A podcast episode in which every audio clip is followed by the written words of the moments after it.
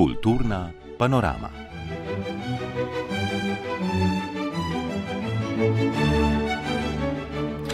Tedenski pregled kulturnega dogajanja bomo obeležili 150. obletnico Društva slovenskih pisateljev, 150-letnico glasbene matice, Beneškim bienalom, razstavo umetnosti 30 let, mednarodno virtualno razstavo zgodbe iz davnine potovanja v nekdanje pokrajine.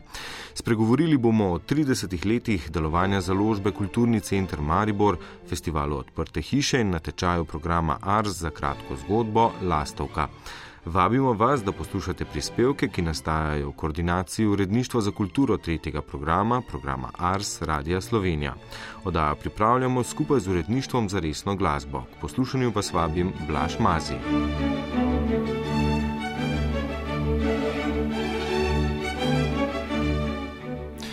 V četrtek je Društvo slovenskih pisateljev praznovalo 150-letnico. Poleg prizadevanja za ureditev pisateljskih razmer kot moralna avtoriteta v različnih obdobjih posegalo tudi v družbeno in politično življenje, utemeljevalo narodnostne in jezikovne, pozneje tudi demokratične zahteve. Tu je bilo idejno jedro slovenskega osamosvajanja. Ob visokem jubileju je Vlado Motnikar povabil pred mikrofon predsednika Društva slovenskih pisateljev Dušana Merca in najprej sta se ustavila ob stalnicah 150-letnega delovanja. Jaz mislim, da je temeljno, kar združuje vse nas, naše predhodnike in upam, da zavezuje tudi naše naslednike, je uh, slovenski jezik. Slovenščina je tista, ki nas poenoti, tista, ki nosi sabo vse vsebine, ki smo jih zmožni razumeti in dojeti. In da je varovanje slovenščine pravzaprav temeljna naloga bila že ob ustanovitvi in je tudi danes. Tako da tukaj ni nekih posebnih preskokov. In ta uh, ideja slovenščine kot literarnega jezika, ki se je začela že prej, ne, je najpomembnejše poslanstvo, ki je obranilo v vsem tem času in vseh teh prekucijah zgodovine, je ohranilo in pravzaprav tudi utrdilo slovence kot samostojno nacijo in državo. Tako da to ostaja enako. Kaj pa v teh časih, se pravi v desetletjih, odkar imamo samostojno državo in ne bi bilo to samoumevno? Ja, na eni strani moram najprej povedati, da imamo vse institucije, ki jih imajo vse nacionalne države in da imamo vse sisteme, ki bi morali braniti slovenščino kot naš temeljni jezik, temeljni način misli in vsega izražanja da pa nam grozi tako kot dost večjim narodom ta anglizacija, mednarodni nek sleng, neko mednarodno šušmarjanje z jeziki na vse načine. Ne. Tako da kljub temu, da imamo vse te institucije, mislim, da je Društvo slovenskih pisateljev nosilec, bo nosilec v težavnih obdobjih, ki prihajajo, ne, ohranjene identitete, ki mora slediti znanost in tudi šolstvo v celoti. Tako da to ne bo enostavno. In če hočemo ohraniti slovenščino kot jezik, jo moramo ohranjati na vseh nivojih.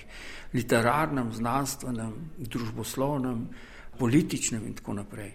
Društvo slovenskih pisateljev lahko upozarja, kako si bi pa pridobilo moč, ko bi ugotovili, da je to vse ogroženo in delno tudi je ogroženo, ne? to so pa druga vprašanja.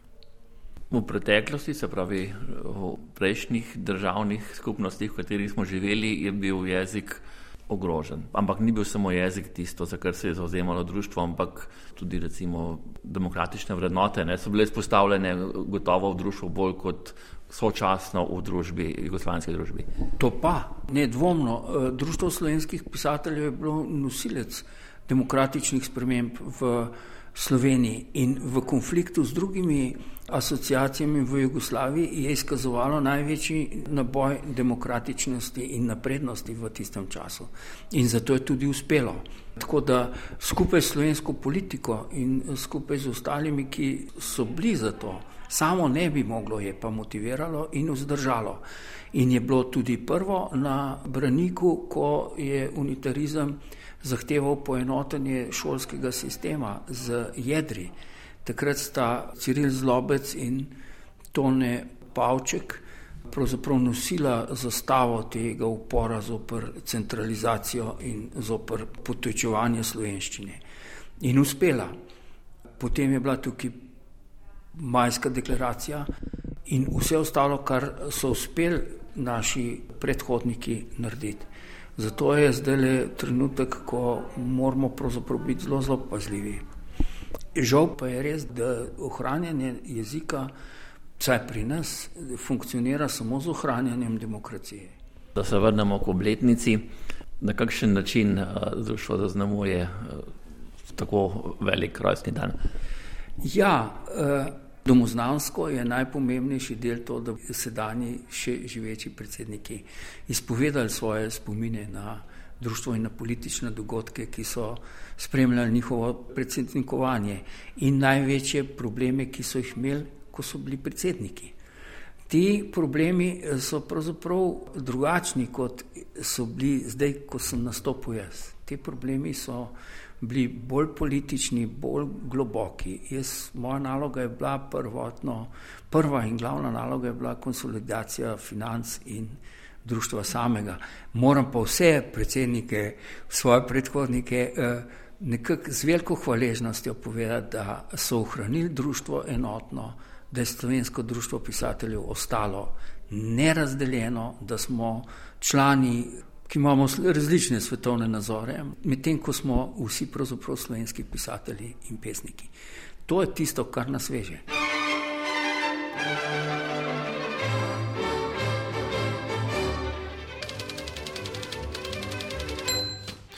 V torek so se začeli 36. slovenski glasbeni dnevi, na katerih je letos pozornost usmerjena tudi v jubilej glasbene matice Ljubljana. Nastala je pred 150 leti.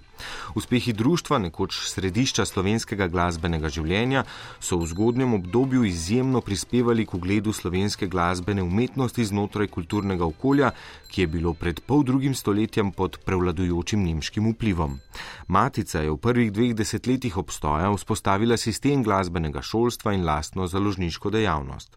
Zgodovino in njene sodobna prizadevanja so počastili tudi na uvodnem koncertu slovenskih glasbenih dni. Več Primoštr Dan.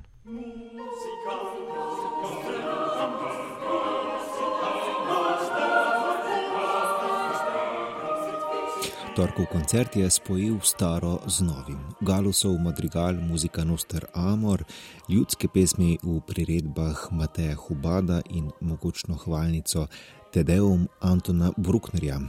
V sodobnost pa sta poslušalce vrnili skladateljici, študentka kompozicije Klara Mlakar in Nana Forte, ki je ustvarila kantato za zbor in godala sanje leta na strniševo poezijo. Predsednica Matice Veronika Brvar pojasni povezavo tega večera z znamenitim koncertom pevcev Matice iz leta 1895. Tukaj se nekako predstavimo z rekonstrukcijo koncerta, ki je bil na Dunaju, nekako naš ponos, slava. Verjetno je to ja, edinkrat v zgodovini slovenskega zborovstva, da je kakšen zbor nastopil v Zlati dvorani na Dunaju in da je še dobil dobre kritike. Namreč eh, dobro kritiko je napisal celo slavni Hanslik, ki kot vemo, ne, je bil kar strupen. E, torej, ta koncert je rekonstrukcija, hkrati pa je tudi zanimivo, da smo lahko vrstili novo delo na spored, kajti to je bila nekako od samega začetka osnovna misel, osnovna dejavnost, da spodbujamo slovensko ustvarjalnost. To je bistvo, v bistvu glasbene matice bilo. In potem se glasbena matica kot društvo razlikuje od vseh drugih društv to ni nastalo iz zborovskega rekli, dogajanja, nastalo je na pobudo in uh, v krogu naše kulturne elite, ki si je zadala za cilj, da slovenski narod postavi na evropski zemljevid ustvarjalnosti, da lahko slovenci tudi pokažemo svetu, kako, smo, kako znamo razmišljati v glasbi. In zaradi tega se nam zdi pomembno, da spodbujamo sodobno ustvarjalnost in zato je na sporedu delo Nane Forte. To je krstna izvedba skladbe in posvečena pa je 130-letnici mešanega pevskega zbora. Eh, glasbene matice Ljubljana. Kot veste, je to uh, zbor, ki kontinuirano deluje torej že 130 let, od leta 1891.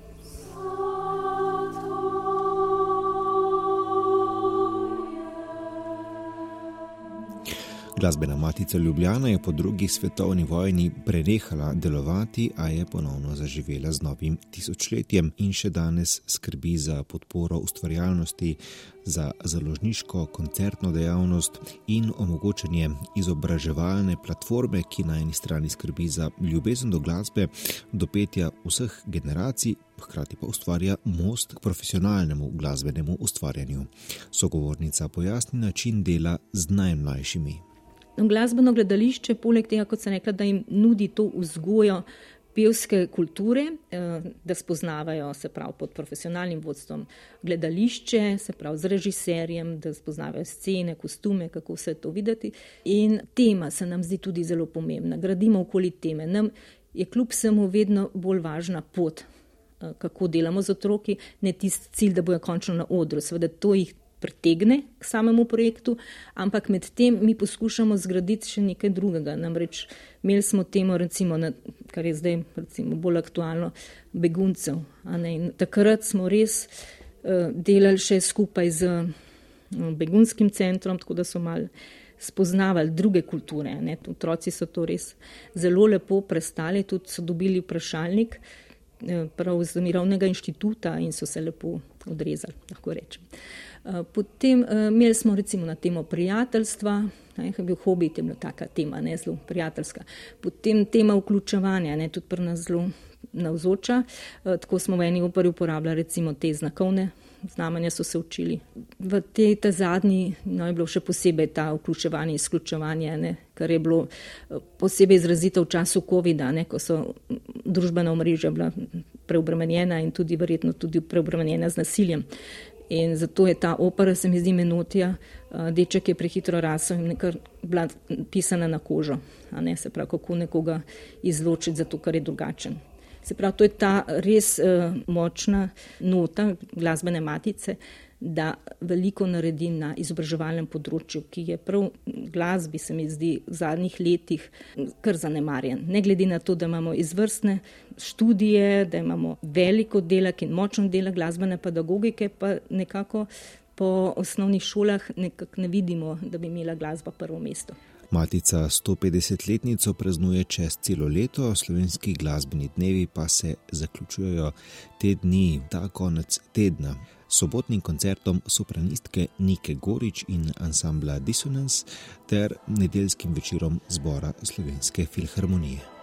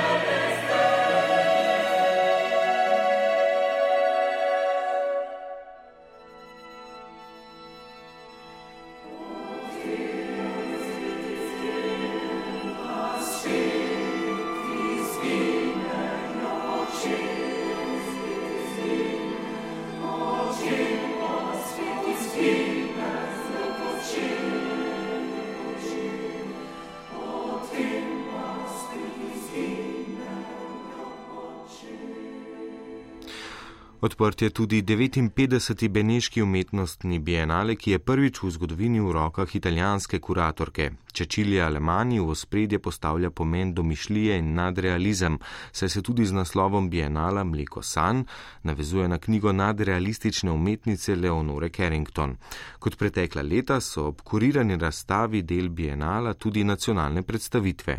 Slovenijo letos zastopa enigmatični slikar Marko Jakše, ki se s svojimi fantastičnimi biti in krajinami dobro vklaplja v zastavljeno temo. Tik pred odprtjem bienala so organizatori sporočili, da bodo v letošnjo izdajo vključili zbor ukrajinske umetnosti, nastale v času vojne. Več o tem, kako se bienale odziva na to katastrofo, pa iz Benetk Iza Pevec. Beneški bienale se je letos odprl z mislimi o Ukrajini in odzivu bienala na politično situacijo. Kot solidarnostno gesto so organizatorji v Džardine vključili prostor Piazza Ukrajina, ki predstavlja dela nastala v času vojne. Roberto Čikuto, predsednik Bienala, je pojasnil, da je ruska ekipa že 1. marca odpovedala svoje sodelovanje ter da so organizatori Bienala storili vse, da je ukrajinski paviljon lahko na ogled. Ukrajinski paviljon je zgodba o uporu, pomenu umetnosti in lastnega glasu. Marija Lanko, članica kuratorske ekipe, je dele skulpture umetnika Pavla Makova v avtu prepeljala iz obleganega Kijeva. Naš glas mora biti slišan, pravi in povdarja, da je umetnost pomembna tudi v času vojne, kar izkazuje razstavljeno delo fontana izčrpavanja oziroma izčrpanja. We are lucky with this work, we can say, you know, the fountain of exhaustion, that we don't have, you know, to separate two contexts. Srečo imamo tudi s tem delom, fontana izčrpavanja oziroma izčrpanja, saj nam ni treba ločevati med umetniškim in političnim kontekstom, ampak prav to je moč umetnosti in umetnikov. Ljudje bi morali biti bolj pozorni do tovrstnih izjav. Napad Rusije je bil predvidljiv. Umetnost je pomembna, saj posreduje ideje in sporočila o tem, kaj se dogaja v svetu. Gre za stensko postavitev piramidalno razporojenih lijakov, skozi katere se od vrha navzdol pretaka voda. Pavlo Makov jo je ustvaril v 90-ih kot metaforo izčrpane družbe. Takrat je šlo za opozorilo in poziv k razmisleku. Zdaj je drugače, pravi.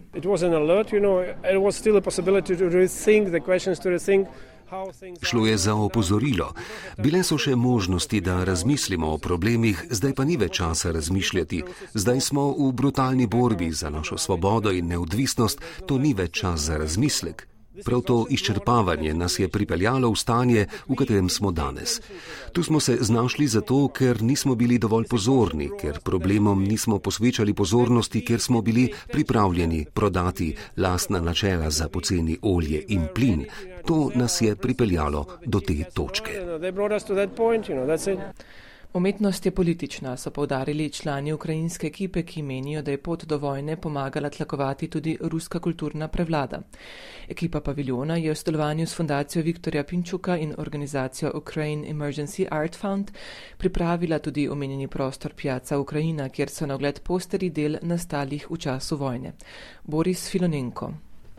One of the important points here is that artists trying to understand what war is. Ena od pomembnih točk te razstave je, da umetniki skušajo razumeti, kaj je vojna. Njihove misli, ideje in odgovori so zelo pomembni, saj vojna ni to, kar si predstavljaš od zunaj. Vsak dan in vsaka ura sta drugačna.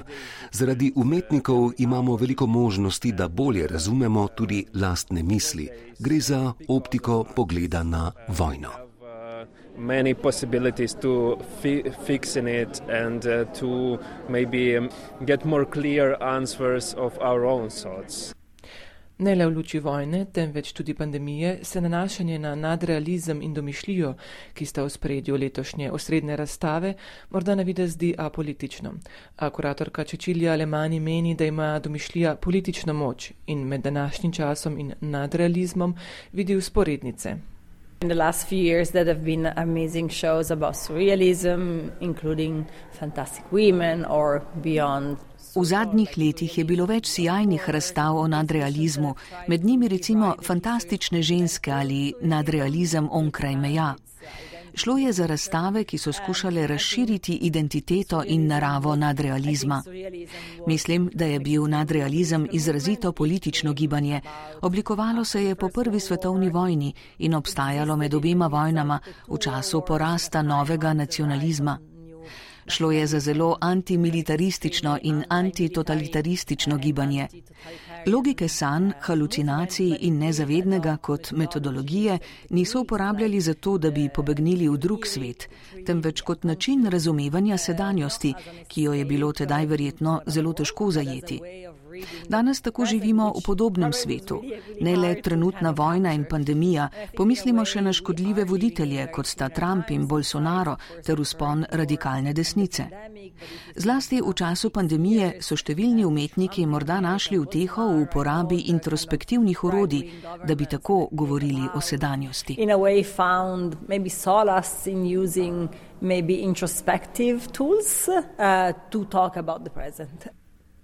Z naslovom razstave Mleko San se sicer kuratorka naslanja na knjigo nadrealistične umetnice Leonore Carrington, ki si zamišlja svet, kjer se vsakdo lahko spremeni in postane nekaj drugega. Razstava pa razkriva misli posthumanizma, tematizira odnos med človekom in tehnologijo ter razmišlja o bolj simbiotičnem svetu. Izpodbijati želi prepričanje o belem moškem kot merilu sveta in tudi zato je kuratorka k sodelovanju povabila številne ženske in nebinarne osebe. Kanon pa želi razširjati tudi s tako imenovanimi časovnimi kapsulami na razstavi, kamor je umestila starejša dela. V kontekst nadrealizma se dobro umešča slovenski paviljon, ki je svoja vrata odprl četrtek. Leto se predstavlja enigmatični slikar Marko Jakše, ki v svojem dolgoletnem opusu ostaja zvest slikarstvu. A ko vstopimo v slovenski paviljon, njegove velikoformatne slike zaradi natančne osvetlitve zažarijo, kot bi šlo za ekrane. Transformativno moč slikarstva pa poudarjata še ambientalni zvok in tla prekrita z mjuko. Marko Jekše je v bistvu sam pobarval stene paviljona in je v bistvu umetnik, ki vse čas želi participirati v prostoru, kadar gre za postavitev in se nenehno želi identificirati s prostorom, v katerem so razstavljene njegove slike, tako da tukaj je tudi sam umetnik uh, izjemno intenzivno uh, uh, sodeloval. Tako kustos Robert Simonišek o samosvojem umetniku, ki se v javnosti ne pojavlja in ne pristaja na norme institucionalnega sistema. Ja, mogoče smo to ponazorili že samim naslovom razstave brez gospodarja, ne, s čimer smo pač uh, izpostavili delovanje brez neke avtoritete in ta segment je zelo pomemben uh, v življenju uh, Marka Ekšeta in ga spremlja od mladosti, ta subverzivnost in uh, lahko bi rekli umikanje pred javnostjo, vendar po drugi strani je to po mojem prepričanju gre najbolj zato, da je vse čas predan svojemu delu, torej da želi vse ta čas, ki bi ga namenil ne vem, nekim intervjujem, pojavom, eh, torej pojavljanju v medijih, eh, sam umetnik v bistvu želi izkoristiti za, za samo slikarstvo, za raziskovanje Simonišek pove še, da je bil izbor del zaradi Jakšetovega obsežnega opusa težaven. Na ogled so tako po njegovem mnenju najbolj presunljive in subtilne slike iz zadnjih dveh desetletij. Kako so videti na bienalu, pa boste lahko preverili vse do 27. novembra.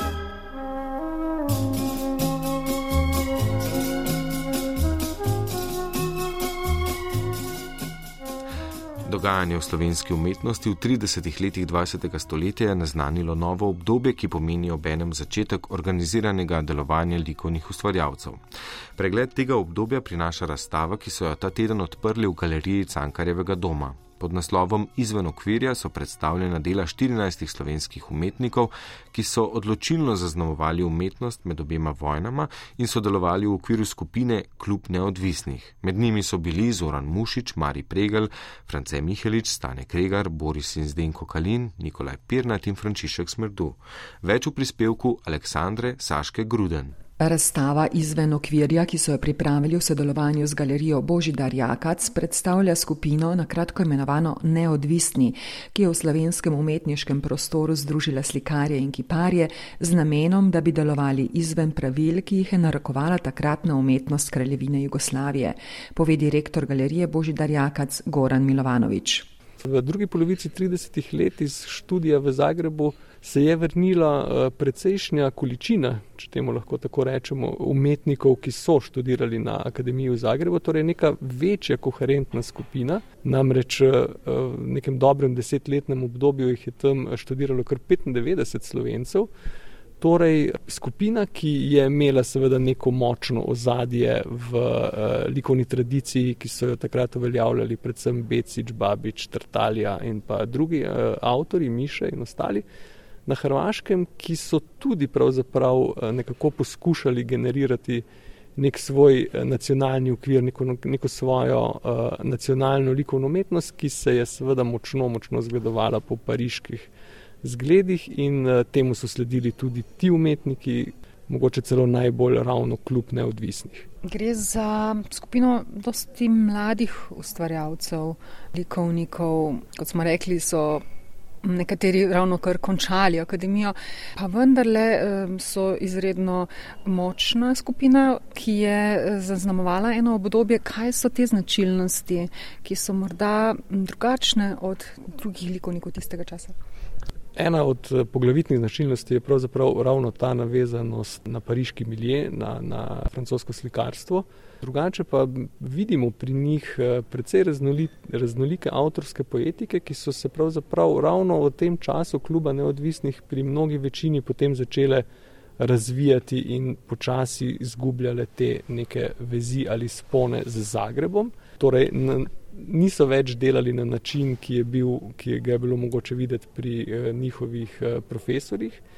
Eh, mogoče tudi za omeniti, da so ravno ti eh, mladi avtori pogosto krat še za časa študija, pa potem kmalo po študiju tudi eh, razstavljali skupaj s svojimi profesori, tako v Zagrebu kot v Ljubljani, eh, kar je po svoje tudi pomenljivo.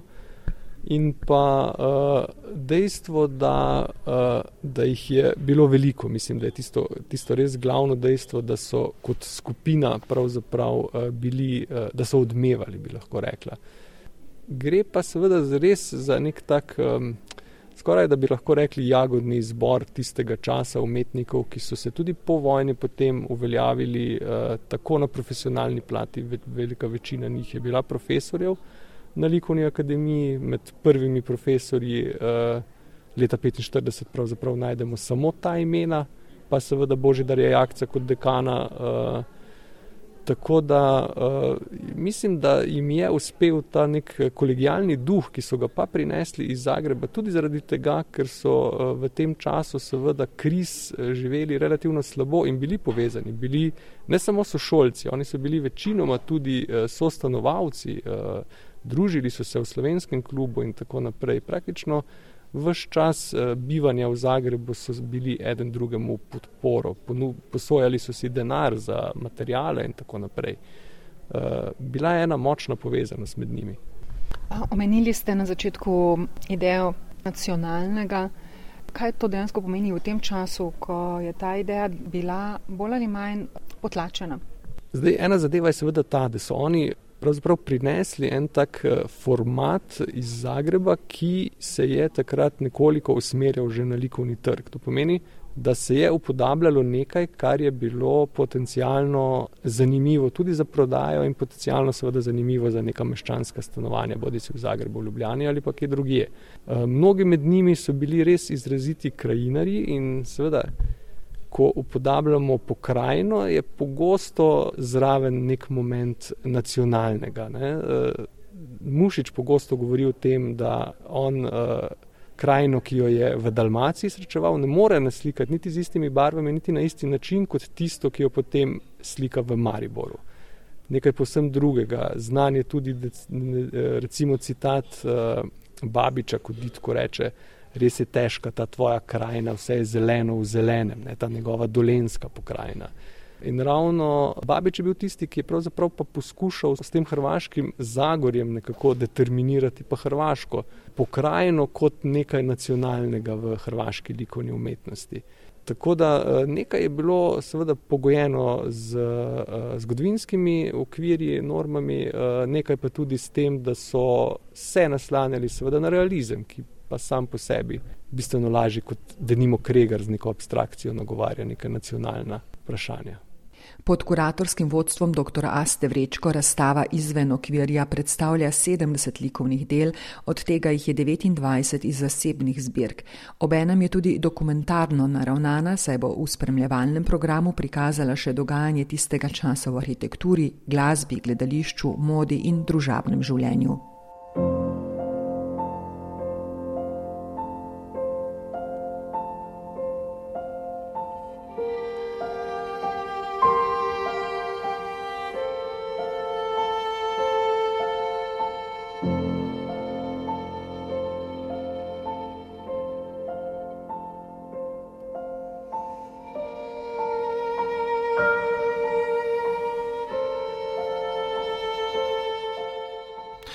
Del stalne ponudbe muzejev postaja virtualna resničnost, v kateri lahko obiskovalci doživijo preteklost in uporabijo predmete, ki so na ogled v muzejskih zbirkah.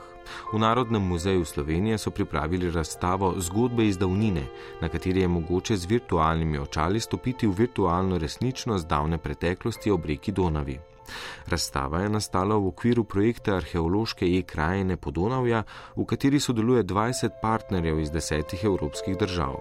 Odpirajo jo v sklopu današnjega dneva odprtih vrat v Narodnem muzeju Aleksandr Čobac.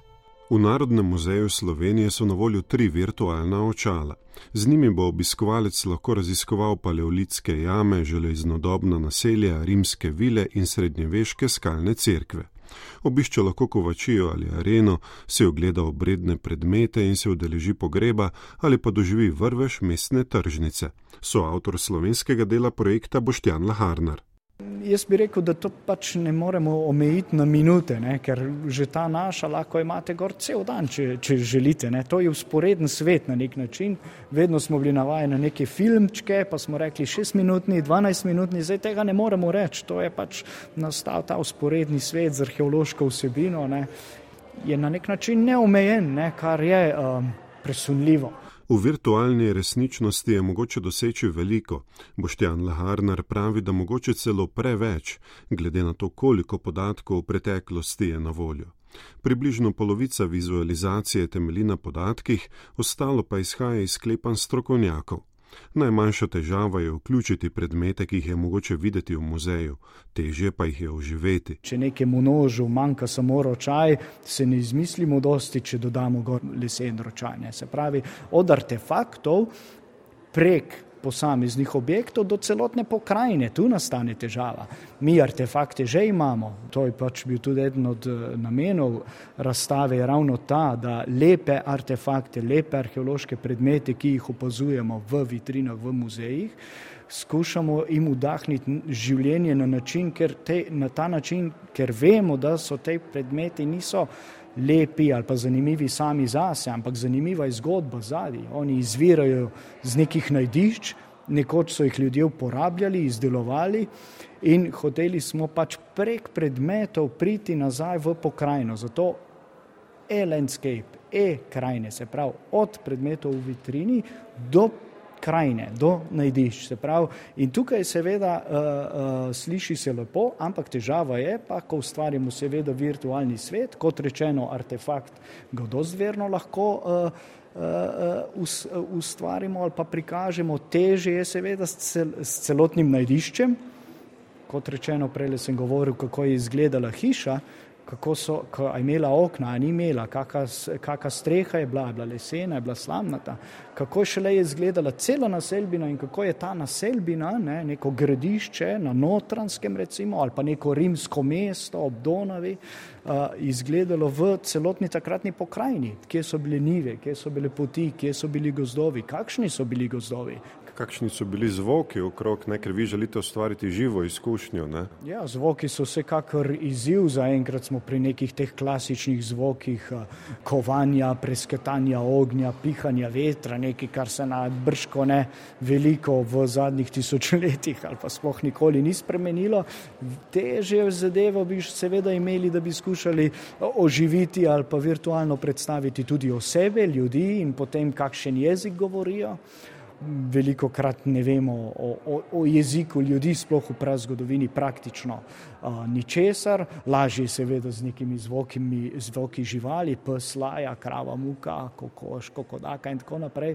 Se pravi, vse to dodatni element, katerem, ki je še le se razvija, kot sem čital, je recimo tudi von. Bo, to je nekaj, s čimer se zdaj ukvarjajo pač tisti, ki se ukvarjajo z igrcami in imajo a, milijonske e, budžete, tako rečem. Ampak vsekakor nekaj, kar bo zanimivo za, tudi za predstavitev muzejskih vsebin v prihodnosti. Mislim, da je pomemben del tega projekta, ki je piloten projekt, ne, prav to, da do, dobimo odziv obiskovalcev. Zato je na razstavi pomemben del je vprašalnik, anketa, kjer bodo obiskovalci rekli, ja, všeč nam je, bodo rekli, ne, to pa ni fajn, vrti se nam, ne na zadnje, tudi sama ta virtualna izkušnja. Sam osebno, recimo, ko sem si prvič poveznil ta očala čez oči, ne, se nisem počutil najboljše, ne. drugi so že takoj navdušeni, nekateri tega sploh ne prenesejo.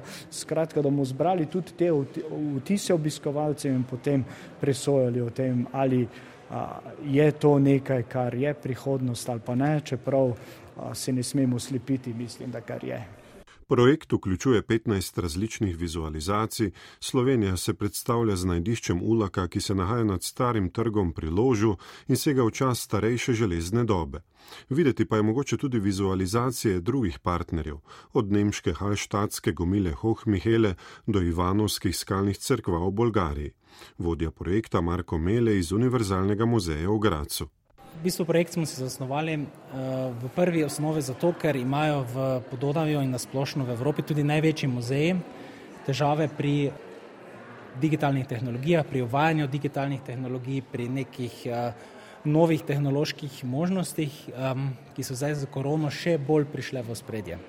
Mi smo sicer že odprej imeli neke določene strategije na digitalnih področjih, ampak smo bili sedaj prisiljeni narediti še deset korakov več, kot smo bili uh, sposobni prej. In ta evropski projekt nam je omogočil, da smo v bistvu, da v bistvu zdaj v teh letih, da smo testirali neke pristope, neke tehnologije, ki drugače ne bi mogli, da bomo si lahko bolje zasnovali smernice za prihodnost. Gre se samo za to, kako naj se muzeji v prihodnosti pozicionirajo v odnosu do digitalnih tehnologij.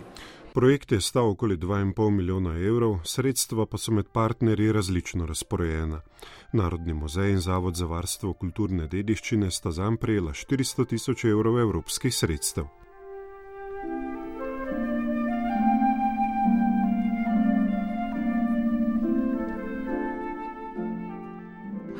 Mariboru se iztekajo literarne in druge prireditve, ki jih je ob današnjem svetovnem dnevu knjige in avtorskih pravic pripravil Mariborski mladinski kulturni center v sodelovanju z več ustanovami. V nizu privlačnih dogodkov je bila včeraj tudi predstavitev zasebne založbe Kulturni center Maribor, ki obeležuje 30-letnico delovanja.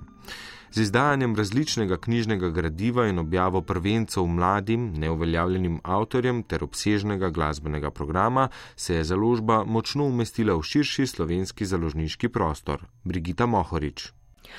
Prve korake današnje založbe Kulturni center Maribor je pred tremi desetletji naredila zbirka Frontier z objavljanjem takratne alternativne literature. Da je bil to čas velikih idej in izzivov, se spominja Dušan Hedl, njen lasnik in glavni urednik, velik ljubitelj knjig, glasbe in likovne umetnosti. Začeli smo res 92. s prvimi izdajami, s prvimi objavami na temo eh, o popularni kulturi, o rock glasbi. Seveda pa tudi že v samem začetku z odličnimi literarnimi objavami Petra Kolmančič in pa Bojana Tomažiča. Se spomnim, da tam v čist prvih letih 93. nekje Tomažič bil eh, njegova knjiga Konska zarota. Eh, ki ima številko 10, eh, Frontiere 0010, da je bila izbrana kot tretja najboljša oziroma prve tri najboljše knjige leta v, po reviji Mladina. Takrat butična založba je dobro desetletje objavljala knjižna dela domačih avtorjev z področja leposlovja in družboslovja. Z leti se je program širil in ustanovili so nove zbirke. Med največjimi so življenjske knjige za objavo biografij živečih slovenskih literarnih klasikov, pa antologija in znanstvene monografije. Najobsežnejša in v širšem slovenskem prostoru najbolj prepoznavna pa ostaja zbirka Frontier, rezervirana za objavo literarnih del. V treh desetletjih je v njej izšlo 209 knjig, od tega tudi veliko poezije. Poleg javnosti manj znanih avtorjev so med izdanimi deli tudi znana imena, kot so Tone Partlič, Vesna Godina, Marija Švajcer, Petra Kolmančič, Bojan Tomažič, Darka Zvonar Predan, Bojan Macuh, Rok Vilčnik in Andrej Blatnik. Kot pove Hedl, so na poslovanje in uredniško politiko založbe in promocijo programa po letu 2012 močno vplivali novi mediji in digitalizacija. In ustanovili smo spletno televizijo SITV, To je bilo pred osmimi leti in služi seveda kot orodje mm, promocije, tudi kot orodje promocije ob drugih dejavnostih mm, za prodajo knjig. In pa pred štirimi leti smo ustanovili, to pa je mislim, da naša najboljša poteza v 30-letni karieri, ustanovili smo medijski portal, kulturno-medijski center Slovenije, KMCS Media, ki pa seveda tudi odlično, odlično služi promocijskim namenom in deluje kot javni medij, ne na zadnje, saj na KMCS Media verjetno ni Eh, slovenske knjižne založbe, ki ne bi imela vsaj eno, dve recenziji svoje knjige eh, objavljene na KMCS Media. To pomeni, da smo odprti in delujemo v javnem interesu. Danes je knjigo zelo težko prodati in preživeti na trgu, pravi Hedl. Z digitalizacijo in skrbnim nadziranjem stroškov pa jim to uspeva. Preživimo tako, da smo stroškovno se izredno optimizirali, kar prinaša zgubo, tega se ne lotevamo. In ne smemo se lotevati. Vsaka napaka v treh procentih izgube pomeni lahko uh, usodno, uh, usodno dejanje. Tako naprimer se nekateri čudijo, zakaj nismo bili prisotni na štandih eh, dnevih knjige v Mariboru. Kajti izračunali smo, da ni izplačljivo, ni usmerjeno v prodajo in ni dovolj prodaje glede na stroške. Torej, mi smo v tistem času počeli ravno obratno in smo se digitalizirali. Plačali smo reklame na promocijo in reklame na, na internetu in eh, s tem kompenzirali. Po drugi strani pa seveda smo tudi založba eh, za, na knjige po eh, želji, tudi to počnemo. Torej, do nas pridejo lahko različni podjetja, avtori, kdorkoli in mi knjigo naredimo na ključ. Iz specializirane založbe za alternativno kulturo se je založba Kulturni center Maribor razvila v srednje veliko založbo, ki je izdala že več kot 300 knjig iz papirja, prek 130 elektronskih in tudi več zvočnih knjig. Vsa leta pa izdajajo tudi glasbene zgoščenke in s tem skrbijo za uveljavljanje mladih glasbenikov. Glasbeni program je ves čas bila. Uh glasbena spremljava v knjižnem založništvu v kulturnem centru Maribor. Vedno bolj smo orientirani na klasično glasbo in pa kvalitetno eh, popularno glasbo. Eh, vsekakor je tukaj treba omeniti vsaj eno skupino, eh, ki smo ji pomagali na skupni poti do eh, vse slovenske slave na slovenski pop eh, rock sceni. To je skupina Quinton. Leta 2003 je pri založbi Kulturni center Maribor izšla zbirka pesmi Razblinjene dlani. Prva pesniška zbirka danes uveljavljenega in nagrajevanega pesnika Boruta Gobača. Za mladega neznanega pesnika je bila to zelo pomembna podpora, pove Gombač. Pač prva knjiga človeka ostane kot, kot en takšen velik dogodek, tako da sem na to založbo v bistvu nekako vezan. Veže me na to založbo tudi projekt Rokari pojejo pesnike. Tam so bile moje prve glasbene pesmi. Mogoče, če tega projekta ne bi bilo, ne bi nikoli nastajali projekti, ki so nastali potem za Quintoni, za Markom Grobljem, ker smo moje glasbene pesmi tudi izdali na zgoščenkah. Recimo Quintoni so tudi tukaj šli pri, te, tej založbi. In na zadnje me je potem, letos, ker imam 60 let, Dušan Hedl, urednik na Hecav, da smo izdala še eno antologijo, tako da v bistvu nekako tudi zaokrožujem svoje delo za, za nekaj časa, tudi s to isto založbo. Založba Kulturni center Maribor z dvema zaposlenima redno sodeluje z okoli 20 zunanjimi sodelavci in lahko delo nadaljuje tudi brez njega, pravi njen lastnik in glavni urednik Dušan Hedl, ki se želi preizkusiti še v izdajanju likovnih monografij.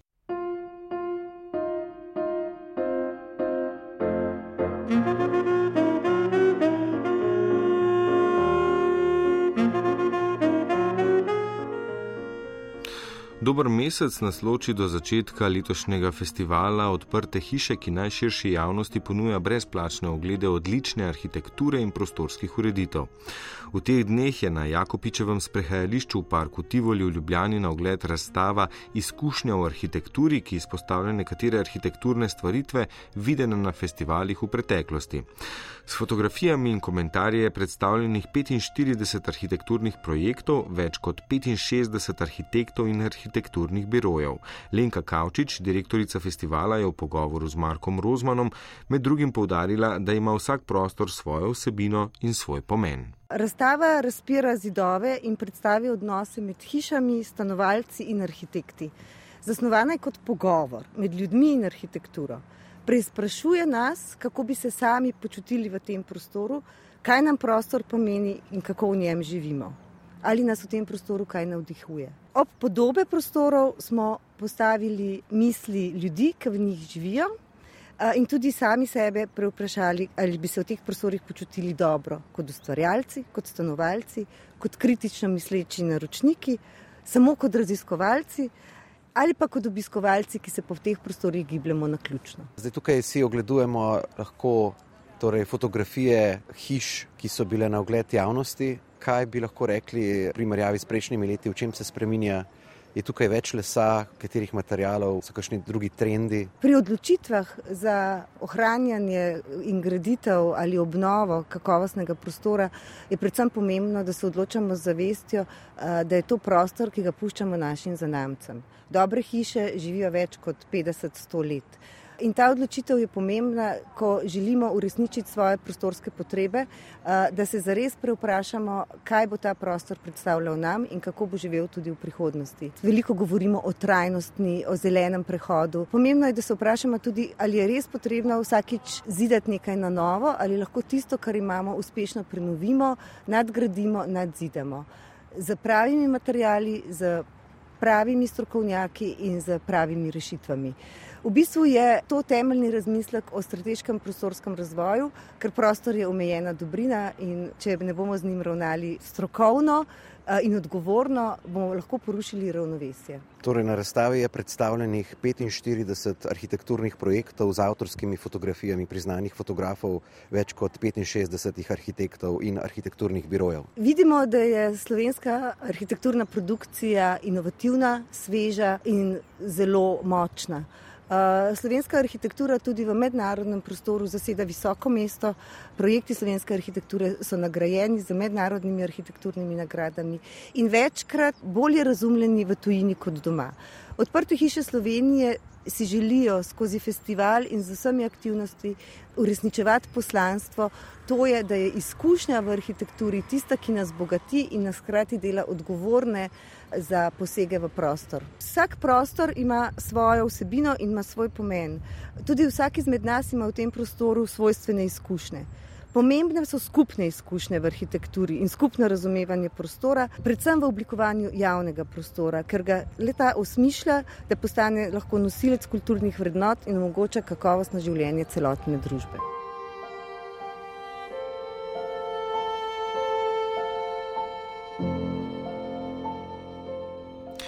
Leto je naokrog in znova iščemo najboljšo kratko zgodbo. Program Ars Radia Slovenija razpisuje 31. natečaj za nagrado Lastovka. Natečaj bo tudi letos potekal samo elektronsko, zato svoje besedilo dolgo od 3000 do 6500 znakov s presledki oddajte do 8. junija na Arsovi spletni strani ter v ustrezno okence upišite šifro. Predvidena je glavna nagrada Lastovka v vrednosti 1000 evrov, poleg tega pa bo Radio Slovenija dela, ki se bodo uvrstila v oži izbor, odkupil. Nagrajenec ali nagrajenka ter avtorice in avtori izbranih del bodo po razglasitvi rezultatov svoje avtorstvo dokazovali s kopijo svojega dela, ki ga bodo poslali na Arsov elektronski naslov, naveden v razpisnem besedilu. Komisija bo svojo odločitev predstavila v sredo 27. julija v oddaji Svet kulture na teletekstu in spletnih straneh RTV Slovenija. Nagrajenca in avtorje zgodb v ožjem izboru pa bomo razglasili na slavnostni prireditvi 15. septembra. Nagrajeno in druga dela bomo predvajali v zadnji četrtini leta v oddaji Literarni nokturno na prvem in tretjem programu Radia Slovenija. Podrobnejše informacije o letošnjem natečaju za najboljšo kratko zgodbo lahko poiščete na Arsovi spletni strani.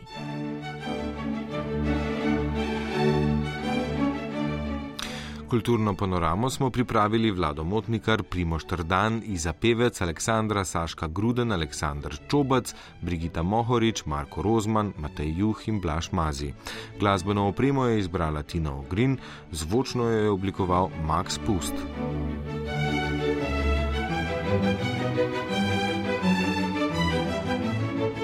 Kulturno panoramo lahko poslušate tudi na Arsovi spletni strani ali v podkastu. Hvala za pozornost. Thank you.